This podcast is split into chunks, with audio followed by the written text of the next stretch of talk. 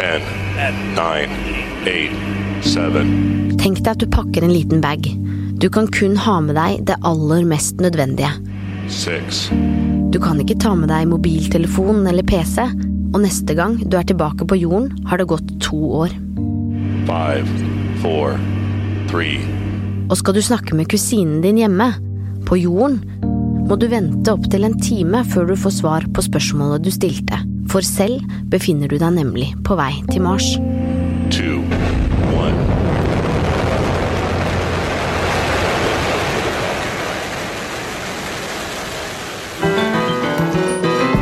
Jeg heter Emilie Hall Torp, og du hører på Verdens gang.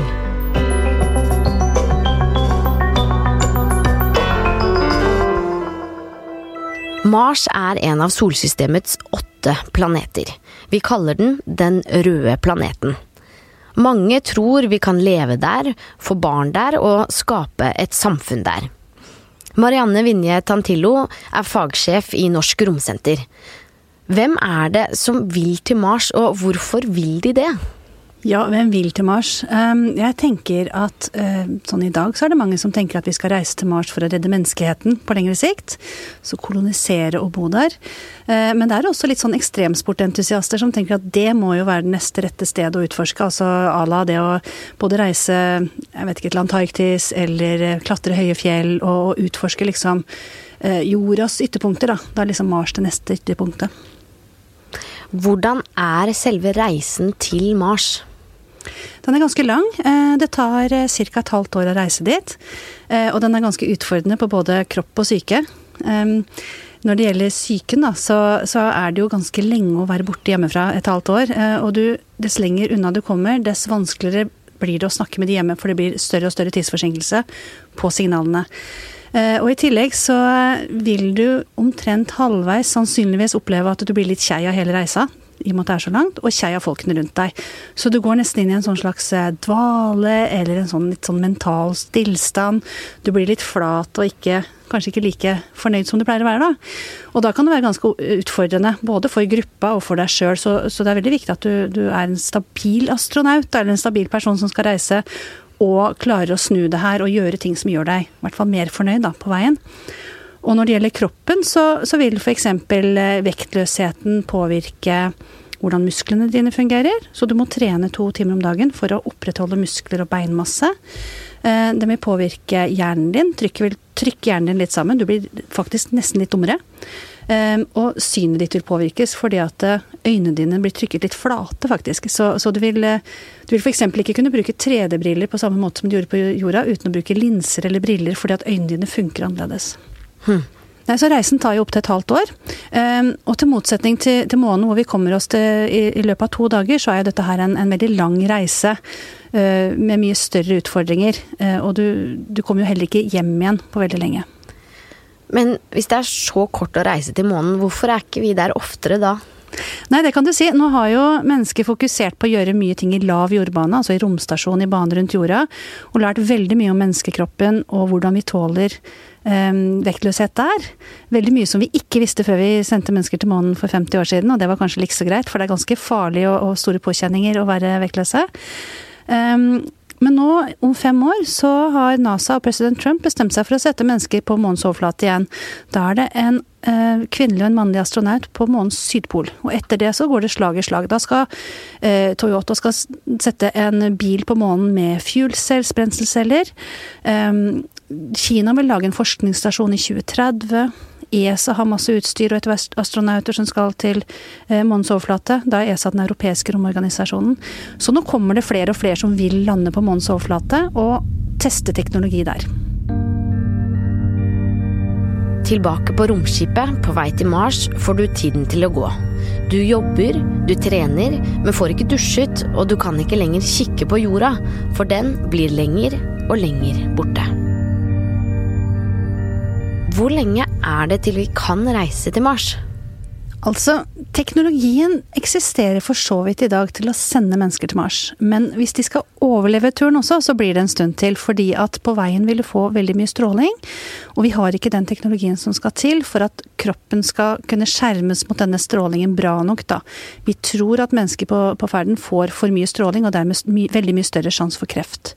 Eh, så det må vi gjøre noe med. Den teknologien må vi finne. Vi kunne f.eks. puttet én meter med vann rundt på alle sider av romfarkosten, men det veier så mye mye, så det får vi ikke sendt opp i bane.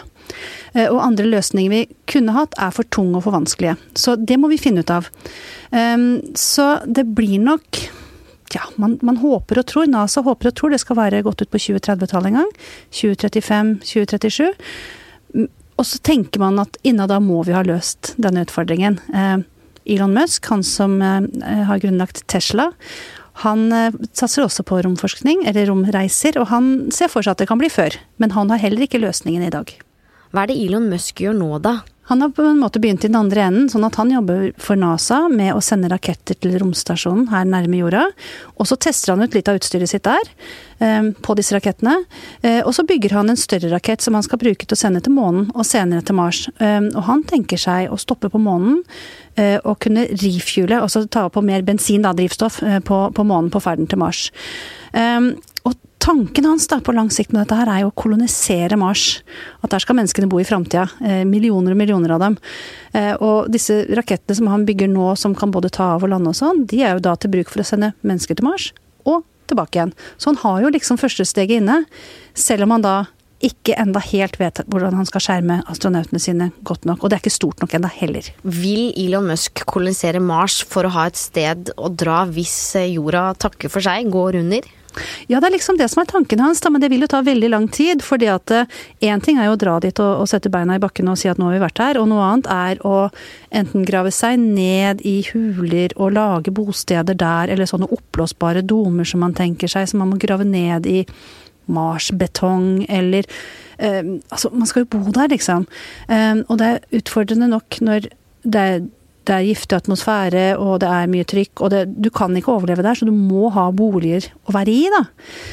Og da å kolonisere dette her på lang sikt, det, det, er en veldig utfordrende affære, men det er det han ønsker, da. Han ønsker virkelig å redde menneskeheten ved å sende dem til Mars i milliontall. Når du lander på Mars, er det tørt og varierende temperaturer. Du må alltid ha på deg romdrakt, for du tåler ikke atmosfæren der.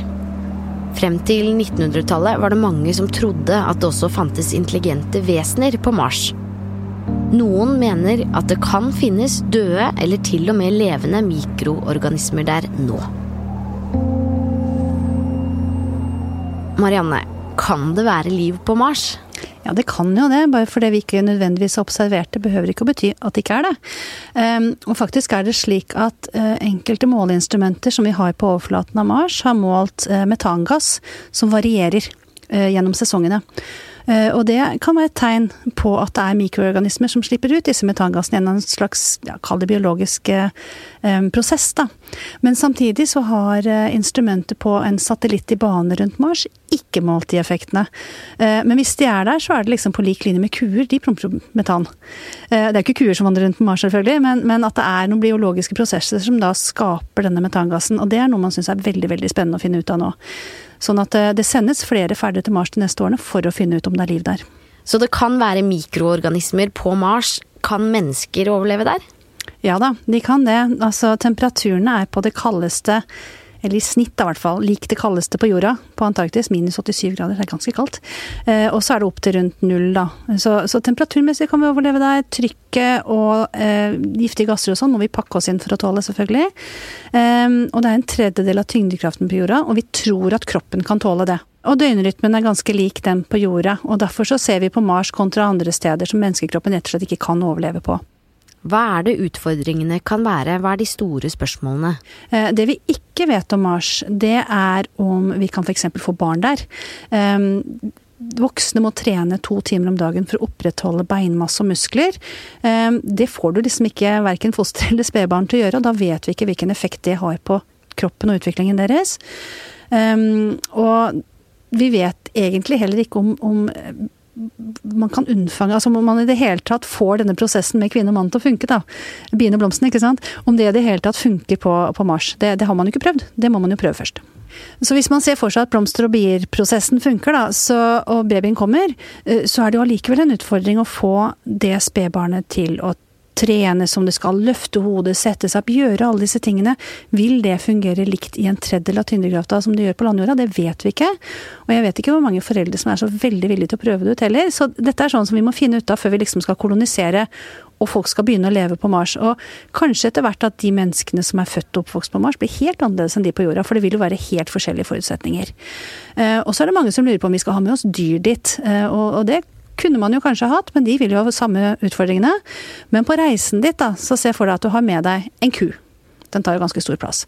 Den må jo også trene to ganger om dagen. Jeg ser ikke for meg at det er så lett. Den må jo henge fast et sted, for den skjønner jo ikke hvordan den skal liksom oppføre seg i vektløshet. Uh, og bare å liksom binde fast en ku og henge og dingle altså, Bæsjen skal bli et sted, tissen skal bli et sted, den skal mates med et eller annet som må pakkes inn. Det, det går jo ikke. Så du får jo ikke kua ditt, på en måte. Og ikke høna og ikke egget. Altså, så dyr er ikke så lett. Så det er liksom Det er en god del utfordringer med å få med seg det vi forbinder med mat, da, til Mars. Så kanskje Altså man ser for seg at man kan ha alger som vokser i vann, og lage noe pulver av det. Men spise liksom proteinpulver eller algepulver til evig tid, det er litt kjedelig det også. Det er, det det er mye interessante utfordringer med Mars. Savner du de der hjemme mens du er på Mars, er det ikke bare å ringe hjem. Det vil ta opptil 30 minutter før beskjeden din når frem. Hvor utfordrende vil kommunikasjonen egentlig være? Altså, det blir jo nesten ikke kommunikasjon sånn som vi tenker på det i det hele tatt. Uh, hvis du tenker deg her på jorda, hvor, hvis du ringer til noen og så er det litt forsinkelse i signalet, så blir du jo smågal. Og her er det jo snakk om minutter, om ikke opptil en time før du på en måte får svaret ditt. Så det blir litt mer sånn at du sender en film, tenker jeg, og så får du en filmsnutt tilbake. Eller en liten sånn avspilt beskjed, og så får du den tilbake. Og utfordringene med det er jo både det å holde kontakt og føle at du er en del av en større helhet, sånn rent psykologisk, men også hvis det skjer noe, så får du liksom ikke gitt beskjed sånn umiddelbart. Um, så vi må øve oss på alt som skal skje på Marsoverflaten. Først på et sted hvor vi kanskje kan snakke med landjorda, da, og da tenker man at mye av disse tingene kan man øve seg på på månen, som har en sjettedel av tyngdekraften til jorda, men som er sånn sett litt lik Mars allikevel. At man kan trene på ting man skal ta med seg til Mars senere. Hvem er det som egentlig bestemmer over Mars? ingen og, og, alle. Altså, ingen eier jo egentlig Mars. Eh, og vi har regler som tilsier at det er ikke lov til å bare dra dit og sette flagget i bakken og si at nå eier jeg denne biten. Men du kan si De reglene som eksisterer, ble laget for mange år siden hvor det ikke var et så stort problem at folk dro til fremmede kloder eller asteroider og bare sa nå eier jeg, nå eier jeg denne planeten.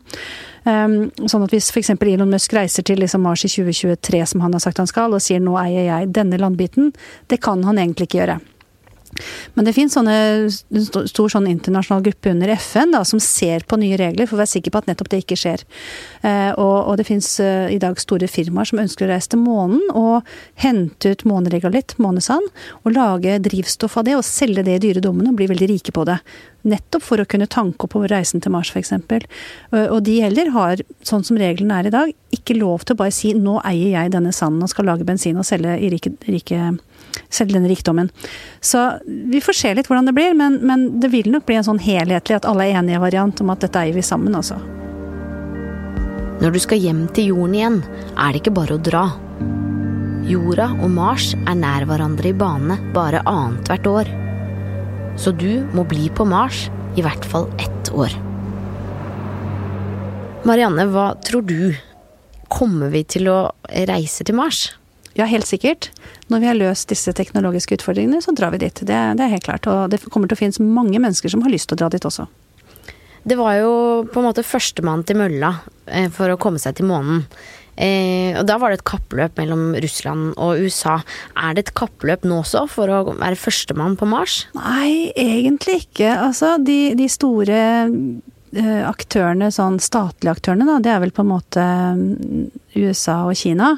Og Kina de har sitt eget program og skynder seg sakte og gjør på en måte det de skal. Og de har veldig fokus på en forskningsstasjon på månen innen 2030. Og så har de ikke sånn, i hvert fall ikke varslet noen store vyer om Mars ennå. Mens for NASA så er dette her med å reise tilbake til månen uttalt et steg videre på menneskelig utforskning av Mars. Og de har veldig fokus på Mars på lengre sikt. Eh, men det er mange teknologiske utfordringer man skal ha på plass før man får på en måte en, si, en trygg reise til, eh, til Mars, altså. Så det er vel litt mer sånn at man skynder seg litt for det er der, men det er ikke noe kappløp. Det må nesten være en, en, et fellesskap, en, et stort samarbeid for å få det til. For det er så vanskelig og veldig dyrt. Hva med Norge? Er vi involvert på noen måte, eller sitter vi bare i sofaen og ser på? Nei, vi er så absolutt med. Ehm, neste år, i juli, så sender Forsvarets forskningsinstitutt, FFI, opp en georadar sammen med NASA sin nye rover som heter Mars 2020. Så det blir utrolig spennende. Da skal den se ned i jorda og se hvor det kan være vann og lag i, i sånne strukturer nedover. Da. På det, Mars? På Mars, ja. Og det er første gangen det er en georadar der, så det blir utrolig spennende å se de resultatene. Um, og, og, vi har mye spennende norsk teknologi som også kunne vært med både å utforske månen og Mars. Um, og uh, Norge kan bli med når Europa skal samarbeide med NASA om å utforske uh, verdensrommet, altså månen og Mars, med både mennesker og robotikk. Eh, hva tror du, vil, vil det kun være astronauter som får dratt til Mars, eller vil det åpne seg muligheter for deg og meg? Jeg tror ikke du og jeg akkurat eh, kommer til å få dratt, for jeg tror vi kommer til å være gamle innen vi, noen reiser til Mars for første gang. Men, men, kanskje våre barn, eller kanskje enda heller våre barnebarn, kunne reist dit som sånn ja, turister, faktisk. Men det er på lang sikt, altså. Først må man jo komme seg dit. Mm. Takk for at du ble med i Verdens Gang, Marianne. Verdens Gang er laget av Kristine Hellesland, Tor Erling Tømtrud og meg, Emilie Halltorp. Teknisk produsent er Magne Antonsen. Hvis du vil diskutere dagens episode, eller komme med innspill til oss i redaksjonen, kan du bli med i Facebook-gruppen vår som heter Verdens Gang, en daglig nyhetspodkast.